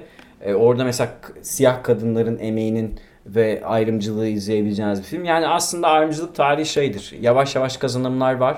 Tarihi tarih ilerlemiştir bu anlamda. Amerika'da da ilerlemiştir. Bütün dünyada da ilerlemiştir. Bir belki işte IŞİD'in olduğu topraklarda ilerleyemiyor ama onun dışında tarih ilerlemeye devam ediyor. Bu kazanımlar nereye varacak ben de merak ediyorum ama NBA cephesinden e, LeBron gibi insanların işte LeBron, yani Lillard gibi insanların politik olarak öne çıkmaya başlaması 90'lardan farklı bir şekilde e, bence bu da büyük bir kazanım. Şey de söyleyelim. Jordan Vakfı'nın da e, Jordan ve yani sahip olduğu şirketlerin 10 yıl içinde bir taksitli bir planla 100 milyon dolar bağış yapacağı faşist e, ırkçılık e, karşıtı gruplara, ırkçı- ırkçılıkla mücadele dernekleri gibi e, böyle çeşitli çeşitli yerlere toplamda 100 milyon dolarlık bir yatırım yapacağı ya şey destek yapacağı söyleniyor. Mesela Karim de vaktinde çok hala mücadele ediyor bu arada. Karim Abdul-Jabbar çok şey aktivist bir insandır. Mesela Hakim'in şey var. Hakim sneakerslarını 30 dolardan daha yukarı satamazsınız diye bir şey söylemişti galiba. Herkes alabilsin diye. Bu tabi minimal mi- mikro örneklerdi. Şimdi bu biraz daha böyle NBA'in geneline yayılmış durumda. Herhalde artık empati e, yani o şeyi ben mesela 30 milyon dolarlık insanım işte e, ne bileyim villada bilmem nerede oturuyorum dan biraz ayırıp e, empati kurmaya başladı gördüğüm kadarıyla NBA oyuncuları Ben ki e, bu da şey bu bu yönü güzel ama çünkü NBA sporcularının çoğu iyi kötü bir üniversite eğitiminden yarım da olsa geçtikleri için e, dünyanın genelinden Hocam bu anlamda ayrılıyorlar. Birebir dokunan da bir şey ya hani sadece şey Tabii değil. tabii bir de o var evet. Ya bu, bu mesele dedim ya çok çok kesimi aynı çatı altında topladı yani. yani NBA oyuncularının da NBA oyuncularının asla tanışma ihtimali olmayan ba- bazı insanları da yani. hani hepsini aynı çatı altında topladığı için bu mesele hem 400 yıllık 400 yıllık bir mesele hem de aynı zamanda çok da güncel bir mesele. Bunu fark etmek, özellikle bir video üzerinden gerçekten de canın acırcasına o videoyu izledikten sonra damarına basıla basıla sokağa çıkma hissi yaratması herkeste. Yani hani e, biz bile e, biz bile demiyorum. Herhangi bir insan bunu izlediği zaman nasıl duyarsız kalabilir? Ya çok gerçekten çok üzücü bir durum George Floyd Şey, olayı. e, George Floyd olayı. Hocam hocam değil de e, Karim'den falan bahsetti ki bence NBA'de bu konuyla ilgili en çok mücadele etmiş e, Oscar Robertson'ı da unutmamak lazım. Kesinlikle. Baylor'ı unutmamamız lazım. Çünkü e, ki Oscar Robertson bence herhalde en çok mücadele eden adamdı. Irkçılığa. E, onun dışında işçi haklarına ki kendisinin e, emekliliği sayesinde bugün Free Agency diye bir sistem var. İşte bildiğiniz gibi 1967'de bir playoff boykotu var. 1964'te All Star boykotu var ki bu All Star boykotta bugün e, NBA'deki oyuncuların yatıp kalkıp kalkıp Oscar Robertson'a dua etmesi gereken bir Evet, mesele. evet, evet. Çok büyük anlamda sendikalaştırdı oyuncuları. Bir sendikal hareketler yarattı. Ve hani bana da bu son olaylar bir Oscar Robertson'ı, bir 1960 kuşağını, Bill Russell'i, Elgin Baylor falan hatırlattı. Bunları da değinmekte Ki fayda Bill var. Russell kendi formasının emekli edildiği törene falan gelmiyor o tepki göstermek için. Şey bu arada NFL topçularından Kaepernick'ten bahsettim. Drew Brees meşhur bir quarterback'tir. Ee, yani Tom Brady kadar olmasa işte Aaron Rodgers civarında bir e, o seviyede bir e, quarterback. Önce dedi ki hani benim bayrağıma saygısızlık bu iş dedi. e, Diz çökmek. Sonra özür dilerim filan dedi. Ee, Bilmiyorum gerçekten içten mi diledi. Orası benim yani o özrü kabul edecek kişi ben değilim. Bana kalmaz o iş ama e, şey var mesela Aaron Rodgers bunlar arkadaşlar hani NFL e, izleyicilerin bildiği yani Amerika'nın da gerçekten önemli sporcuları. E, hani diğer yani işin beyaz sporculardan da ciddi anlamda destek var aslında. Bu son olarak ben müsaadenle bir Tabii. teknik bir şey söylemek istiyorum NBA kısmına geçmeden. Sonra ben sana vereceğim sözü yine Mustafa. Yok hocam ben Ee, ya benim e, ara ara kullandığım bir şey var. Politik anlamda mücadele edenler e, kazanamayacağı bir alanda o savaşını sürdürüyorsa yani diyelim o savaşı kazanmak pek mümkün değil. Pierre Bourdieu'nun bir önerisi var. Yeni politik alanlar, yeni mücadele alanları yaratmak. Yani sürekli kaybedeceğiniz oyunu oynamanıza gerek yok. Bu biraz belki John Nash'e kadar gider mantığı da tam olarak öyle değil. Bir felsefi anlamda söylüyorum. Yeni politik alanlar yaratmakla ancak siz kültürel kültürel yeniden üretimi yenebilirsiniz. Yani sınıf ve iktidar ilişkilerinin olduğu gibi yeniden üretimini ancak mücadele alanını değiştirerek belki bazı dönemlerde yenebilirsiniz. Çünkü her politik zeminde galip çıkmanız mümkün değil. Yani mesela Trump'ı sandıkta yenemiyorsan daha somutlaştırayım bu örneği. Trump'ı sandıkta yenemiyorsan sokakta mücadele ederek e, işte hakkını savunacaksın. Bu da aslında budur yani sokağa inmek geleneksel belki 18. yüzyıldan beri bildiğimiz bir şeydir ama bir politik alandır. Sandık da bir politik alandır. Sokak da bir politik alandır. Ev de bir politik alandır aslında baktığında. Bir fabrika da politik alandır. Her yer politik alandır da. Hani bu anlamda e, ben bu eylemlerin çok kıymetli olduğunu ve pek de bilmeden yani teoriyi de çok bilmeden aslında birçok şeye hizmet ettiğini düşünenlerdenim. E, naçizane tabii ki. Ağzınıza sağlık. Biraz NBA tarafına geçelim mi? Geçelim. geçelim. Bayağı konuşmuşuz ya. Evet evet. Bayağı açtık süreyi. Ya açmadık bir şeydi de. Bir gün böyle bir devrimler tarihi konuşalım. Böyle bir Konuşalım. podcast yapalım. Konuşalım. O zaman e, NBA'in yeni formasından başlayalım hocam. E, nasıl bir format olacak? Hem şey söyleyelim, tarihleri verelim. 30 Haziran'da idmanlar başlıyor. Hı hı. E, yeni açıklanan şey sezon hazırlıkları başlayacak. 31 Temmuz'da e, sezonun Başlıyoruz. başlama sezon. tarihi hı. olarak ortaya çıktı. İşte hocam 10 Ağustos'ta playofflar başlayacak. Yaklaşık bir 10 günlük bir normal sezon dönemi Evet. evet. yaşayacağız. Sonra beraber. işte draft e, finallerin 7. maçı 12 Ekim'e denk geliyor. E, sonra işte free agency. Yeni sezon 1 e, Aralık. Aralık'ta başlayacak. Yani aslında yaklaşık bir bu yo, bir ay falan ertelenmiş olacak değil mi? Yani NBA Ya- 20 Ekim 23 Ekim civarı Bu, bu arada başlıyordu. zaten düşünülen bir şeydi. Ara ara böyle Aralık'tan başlatsak diye NBA'yi de şeyi tatili kısa tutacaklar. Çünkü Evet. e, 10 Kasım'da yeni sezon idmanları başlayacak. E, yani, yani neredeyse bir yani 20 gün falan bir tatil olacak aşağı yukarı benim gördüğüm. Hani draft'ı ve free agency'de de tatil sayar mıyız bilmiyorum. Sayabiliriz gerçi ama durum böyle. Yani bir 8'er maç oynayacak. 13 batı takımı mıydı?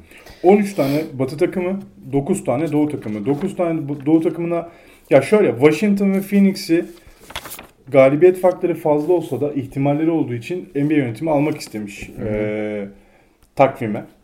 Ve onlara da şans verdiği için yani playoff'a yeni açıklanan eee playoff takvimi şöyle yani playoff'a giriş ihtimali şöyle. İlk 8 takım iki taraftan da eee içeri girecek fakat 8. takımın 9. takıma en az 4 galibiyet fark atması gerekiyor ki playoff biletini alabilsin. Yani bu ne demek oluyor? Batı'da Sacramento'nun, New Orleans Pelicans'ın, Portland'ın, San Antonio'nun ve Phoenix'in e, Memphis'e karşı 4 galibiyeti kapattığı takdirde ve en çok kapatan takımın Memphis'te bir e, play-out oyuncağı yani Play play-in in. oyuncağı pardon. O da şöyle olacak. E, toplamda bir galibiyet aldığı takdirde 8. takım Hı hı. zaten üst tura çıkacak. Ama 9. takımın onu iki kere yenmesi gerekecek. İki maç bir- oynayacaklar evet. 2-0 lazım aslında yani. 3 maç üzerinden bir seri gibi düşünülebilir evet. ama Evet. 1-0 önde başlıyor Evet. 8. takım. O yüzden de bir avantaj sağlayacak bu şekilde. Doğu'da Washington almışlar. Ben biraz gereksiz buldum. Yani Washington'ın o galibiyet farkını kapatması çok kolay değil sanki. Ağlamasınlar diye. Bu Bence de arada e, tek itiraz eden GM Portland, Portland. tarafı. Onu da e, verelim. Portland istememiş. Ya herhalde e, bu şekilde olmasını istemedi. Ama bence fena sistem değil ya. Ya bence de en ideali bu gibi ya. En ideali bu. Ee, 8 ve 9 e, az önce Efe- Efe'nin de bahsettiği sistem de muazzam. Amerikalılar bu işi biliyor. Kesinlikle yani bence en ideali olmuş. Adam Silver gerçekten yani uzman ekiplerle çalıştığına eminim. Ki büyük ihtimalle bu 8-9 muhabbetini yaşayacağız herhalde. ESPN'in e, ortak alanında yapılacak zaten. Yaklaşık 24 bin otel kapasiteli bir alanda basketbol sahalarının olduğu. Ve evet seyircisiz ama belli bir yerden sonra sanırım belli kısıtlarda çok küçük bir seyirci alma ihtimali var gibi geldi benim okuduklarımdan. E, ve bu şekilde başlayacak sezon yani kaldığı yerden, kaldığı yerden değil yeni formatla canı yeten takımlar, elenmeyen takımlarla beraber devam edecek. Bu nasıl bir avantaj getirir? Kime avantajlı olur, kime avantajsız olur?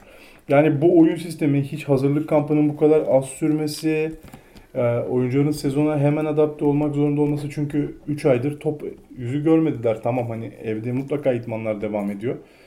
Ama 3 aydır top yüzü görmeyen e, oyunculardan bahsediyoruz. En azından parkede. Sence Mustafa kime daha avantajlı olur, kime olmaz? Disneyland'da kim daha çok şey eğlenecekse ona daha az avantajlı olur. Olan. Şimdi bir kere şu gerçek. Ee, kısa dönemli olduğundan dolayı, üst üste maçlar oynanacağından dolayı daha böyle düzensiz e, oynayan takımlara yaradı. Yani kastettiğim işte Philadelphia'ya yaradı. Houston'a yaradı. Clippers'a yaradı bence. E, bu üç takımdan da bence en fazla Philadelphia'ya yaradı. Çünkü e, bu tip e, kısa dönemli e, turnuva gibi düşünüyorum. iyileşti. Ben Simmons dönecek. Aynen öyle.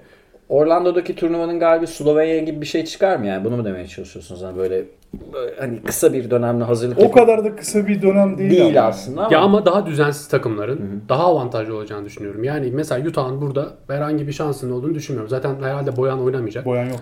Boyan oynamayacak.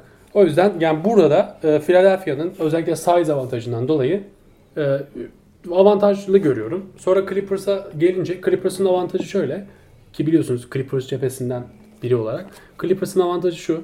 e, biz e, Lakers'la oynadığımız zaman ya da başka takımlarla da oluyor ama bu en çok Lakers'la oluyor. Hani kendi sahamızda e, LeBron James servis atış atarken MVP diye tezahüratlar duyuyoruz. Hani seyircinin kısıtlı olması Clippers'a bu anlamda yarayacak.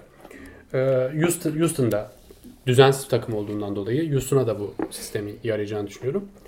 Onun dışında bir şey eklersek e, korona sürecinde e, oyuncular ne yaptı tam olarak bilemiyoruz. Belli başlı çalışan oyuncuların Ya videolarını işte biliyoruz. herkesi komple takip etmek mümkün değil zaten. Yani. E, tam da bilmiyoruz. Yani LeBron'un işte güzel videolar çıktı. Bayağı çalışıyor. Anthony Davis'le beraber de çalıştı söylendi. Evet Anthony Davis'le beraber çalıştığı da söylendi. Ee, işte Clippers oyuncularına Dark Rivers'ın e, malzeme gönderdiği, evde çalışmaları için, boş oturmamaları için malzeme gönderdiğini biliyoruz.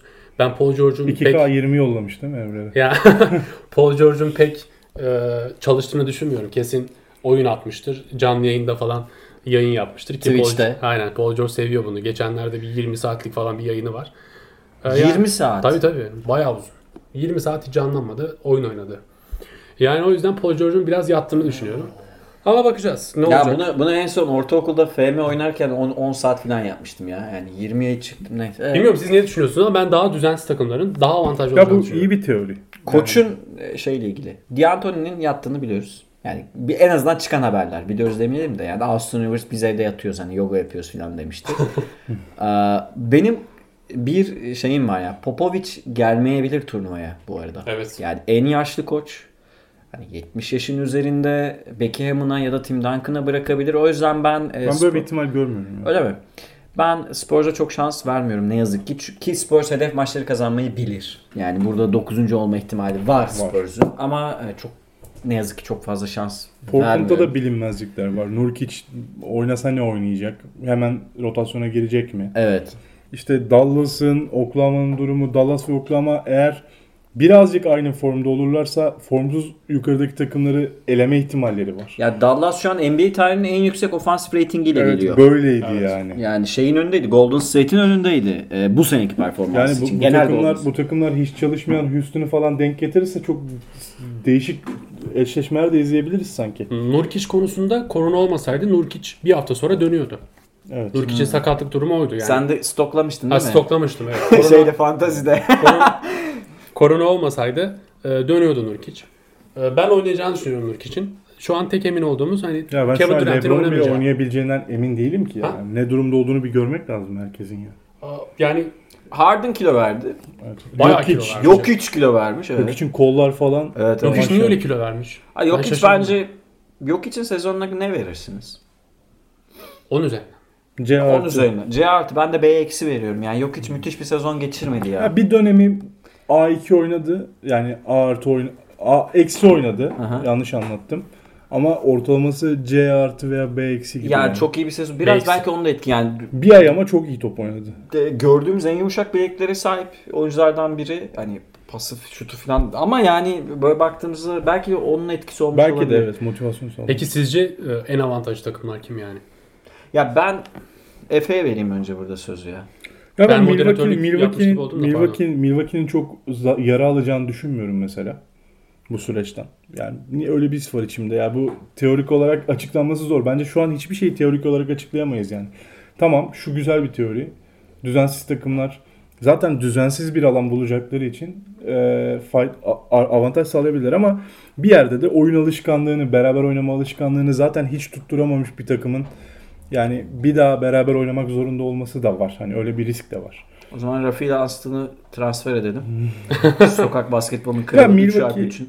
Philadelphia'yı da o yüzden yani çok şanslı görmemekle beraber e, Mil- ya Houston, Philadelphia ancak senin teorin tuttuğunda başarılı olurlar. Kabul ediyorum. Bunu göreceğiz. Yani sen de koşuk yaptın, ben de koşuk yaptım. Evet. İkimiz de bunu biliyoruz ki kısa dönemde düzensiz takımlar her zaman daha avantajlıdır. Ya, ya maçına göre avantajlısın şimdi. Düzensiz bir takımın maç kazanma ihtimali, düzensiz bir düzenli bir takımın maç kazanma ihtimalinden daha az. Bunu kabul Ben ediyorum. o yüzden Milwaukee'ye biraz e, çok şans vermiyorum. Bakacağız. Ben bunu diyorum. Ha, ben- Göreceğiz. Şöyle bir şey gördüm. Vegas oranları Lakers demiş bu arada. Yani ya şimdi insaf ya. Yani Clippers'ın bu kadrosu nasıl favori olmuyor onu anlamadım bir kere. Yani, Popülizm. ya bu ciddi hani sırf hani LeBron iyi bir sezon geçirdiği için belki işte çalıştığı için filan ama yani bench'e filan baktığınızda yani Clippers'ın zayıf alanları var. Le- şeyin yok Playoff mu? LeBron Le- diyorlar işte. Tamam da Lakers'ın zayıf yerleri yok mu ya? Rondo ile Howard'a saldırmayacak mı bu takımlar? Kuzma'ya saldırmayacaklar mı? Ya da bu oyuncular diğer ta- Ya oyunun o kadar öbür tarafında... formdaydı ki bazı takımlar. Ona çok üzülüyorum şu an yani. Evet. Boston'ı, Miami'si. Boston özellikle. Boston'ı, Miami'si bu tarafta işte e, Dallas Oklahoma'sı. Ya çok yazık olacak takımlar var sezonlarına. Memphis keza hani çok tırnaklarıyla geldi buraya kazıya kazıya. Ama işte bu sezonun sonunda bu turnuva özellikle Memphis gibi takımlara acımaz yani. Hani Boston'a da acımaz. Boston'a da Sen- acımaz yani. ben Boston'da Boston acımayacak. konusunda o kadar emin değilim. Ya Boston yine Tatum'un aynı durumda olacağına hiç, Ha hiç o var. inanmıyorum yani. O var yani. De Ligin en iyi Jalen Brown'un da kafası top oynamakta değil şu an haklı olarak. O yüzden e, çok enteresan bir süreç yaşadı ama NBA'in bize bunu sunabilmesi bile çok güzel. Çok güzel. Göreceğiz yani hani tabii bu umarım sağlıklı sürer ve en ufak bir şeyde bir şey olacaksa zaten NBA bunu iptal eder yine.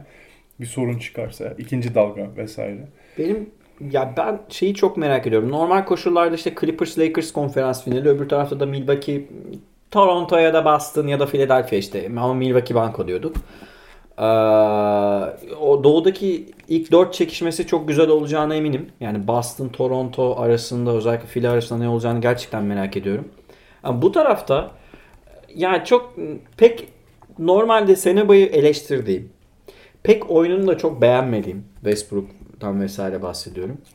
Ee, Houston Clippers'la eşleşirse ya ciddi sorun çıkartabilir. Çünkü e, biliyorsunuz onlar hani 5 dışarıda oynuyorlar işte hani 5 oyuncu da bir de switch edebilecek pozisyonda çok etmeseler de veya e, hani 5 şutörle oynayacaklar. PJ Tucker'da hani köşeye yollayıp şut attırabilirsiniz. Montrezl Harrell'ın veya Zubac'ın sahada olduğu dakikalarda Clippers'ı başka bir oyuna itmek zorunda kalabilirler. Çünkü Davis gibi bir uzunu yok e, Clippers'ın. Her alanda güçlü ama bir tek o alanda güçlü değil. E, yani bayağı bozabilir. Eler demiyorum ama o olası bir eşleşme böyle 7'ye falan sanki böyle Harden'da kilo vermişken formda dönerse Westbrook da e, son bir aydaki gibi şut denemek yerine potaya gitmeye çalışırsa bir de Covington gününde olup kavayı tutarsa biliyorum çok fazla sağ kullandım. E, dilek gibi çok oldu. e, ama bunlar olursa o seri 7'ye gidebilir. Hatta yani olası bir kavayın diz çekmesi e, Houston'ı konferans finaline dahi atabilir. Normalde hiç ihtimal vermiyorum bu arada onu söyleyeyim. Sene başta söyledim. Ama böyle yenilir değil mi yani Clippers'ta? ancak böyle yenilebilir. ya ama da Lakers'ın o e, playoff modunu açan e, canavarlarıyla yenersin yani. ancak ya Yani da geç- ya da Avery Bradley'nin karşımda Hmm. Clippers'ı gördüm. Oynayayım. 50 sayı falan. Ya bu arada ben kişisel olarak Milwaukee Lakers finali bekliyorum ya.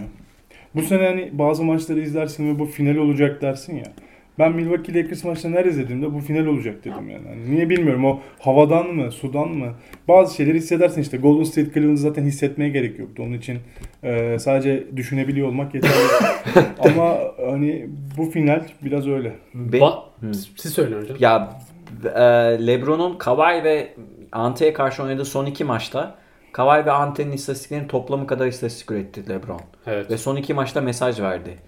E, sanki bana da Milwaukee Lakers gibi geliyor. Normal şartlarda Clippers ama bu özel şartları bulmuşken LeBron bence Clippers'ın setlerine, kaçırmaz gibi geliyor. setlerine falan da çalıştı. Yani o kadar çalıştı bence.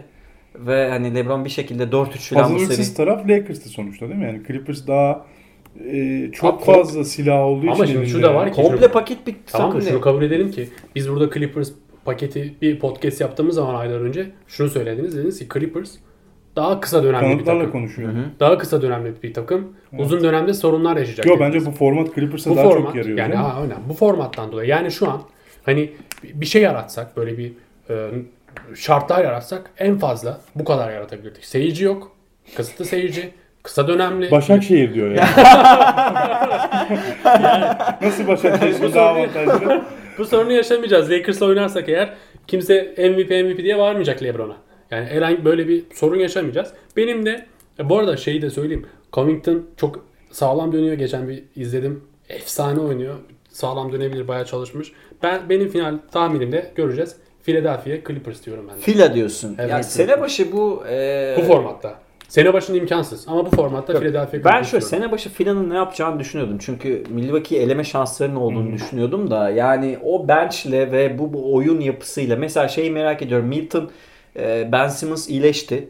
Yine 5'ten gelmeye başlayacak mı? Hani Horford'u bench'e atıp Ben Simmons'lı bir Ben Simmons Milton'lı bir böyle bir şey Ah, 5. Embiid tek uzun.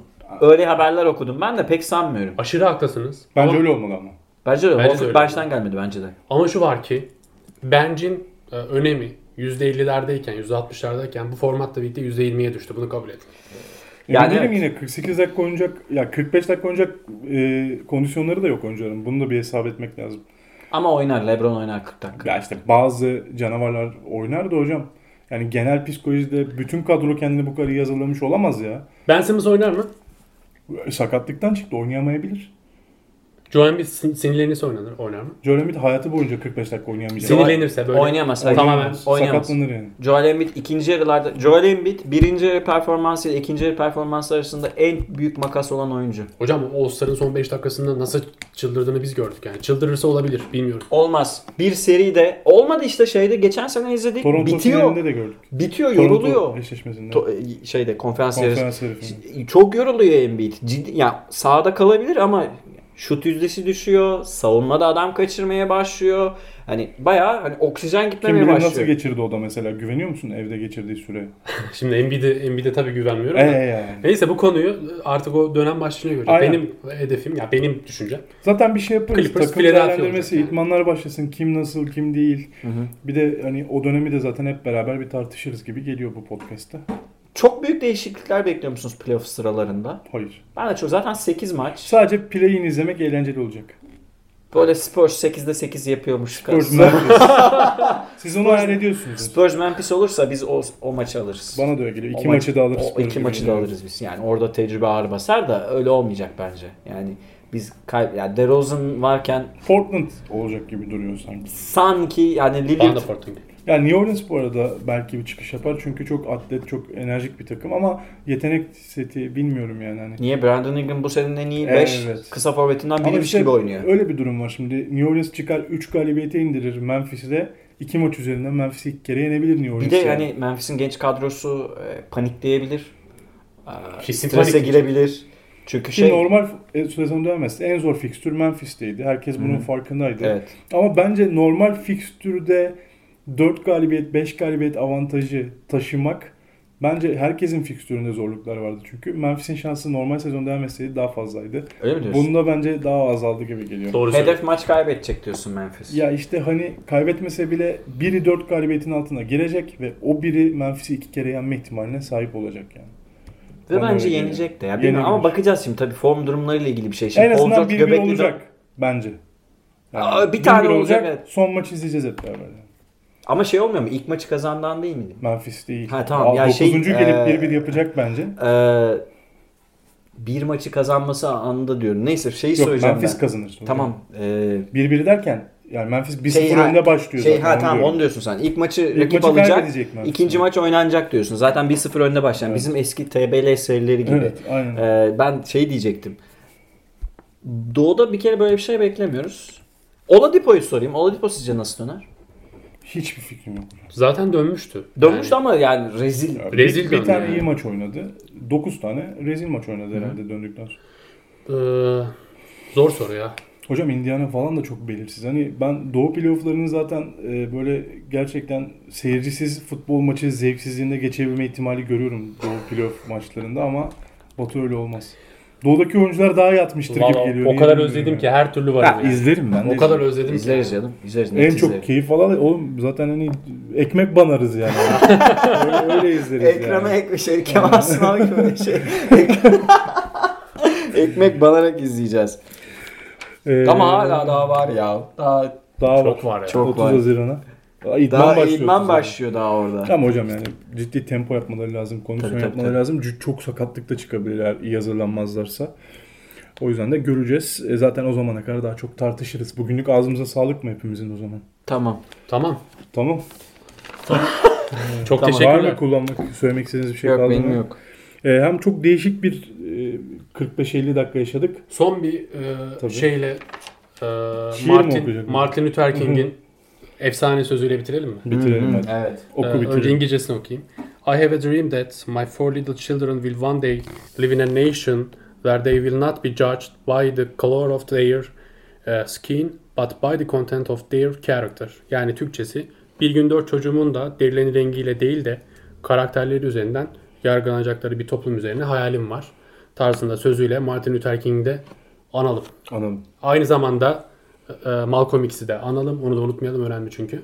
Bu kadar. Martin Luther King sadece NBA maçlarının daha fazla oynandığı bir gün olarak tabii ki kabul edilmiyor. Sebebi bu. Biz de teşekkür ediyoruz. Yani. Evet. Ee, Hepinize çok selamlar. Ee, Haftaya umarım görüşmek üzere. Kendinize iyi bakın. Hoşçakalın. Hoşçakalın.